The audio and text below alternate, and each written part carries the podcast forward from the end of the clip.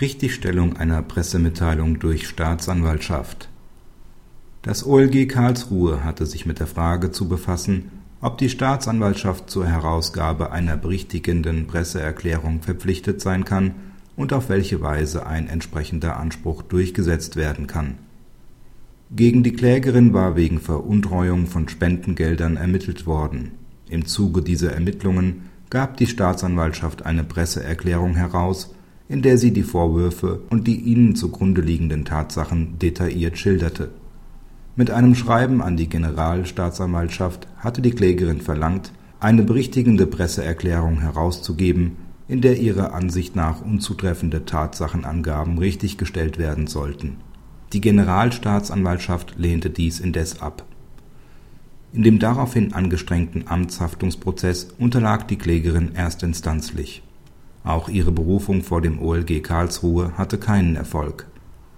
Das OLG verneinte zunächst eine Pflicht der Staatsanwaltschaft, schon von sich aus eine berichtigende Presseerklärung herauszugeben, denn dadurch hätte sie sich womöglich einem Vorwurf der Klägerin ausgesetzt, die gegen sie gerichteten Vorwürfe unnötigerweise länger im Bewusstsein der Öffentlichkeit zu halten.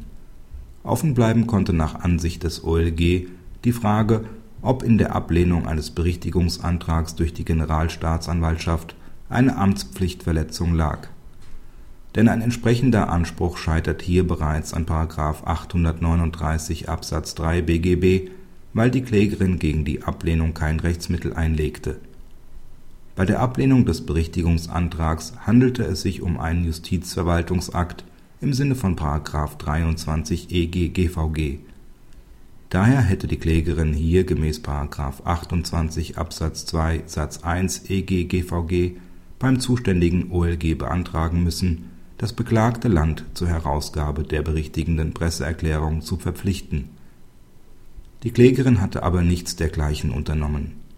Ihr Einwand § 839 Absatz 3 BGB sei hier nicht anwendbar, weil durch das Rechtsmittel der Schadenseintritt nicht rechtzeitig hätte verhindert werden können griff nach Ansicht des OLG nicht durch, denn auf ihren Antrag hin hätte gegebenenfalls auch eine entsprechende einstweilige Anordnung erlassen werden müssen, so dass rechtzeitiger Rechtsschutz zu erlangen gewesen wäre.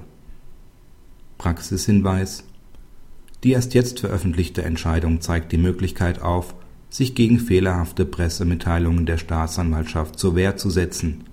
Begrüßenswert ist die Ansicht des OLG dass auch eine einstweilige Anordnung zum Erlass einer Presseerklärung bestimmten Inhalts ergehen kann, obwohl die § 23 fortfolgende EGVG dies nicht ausdrücklich vorsehen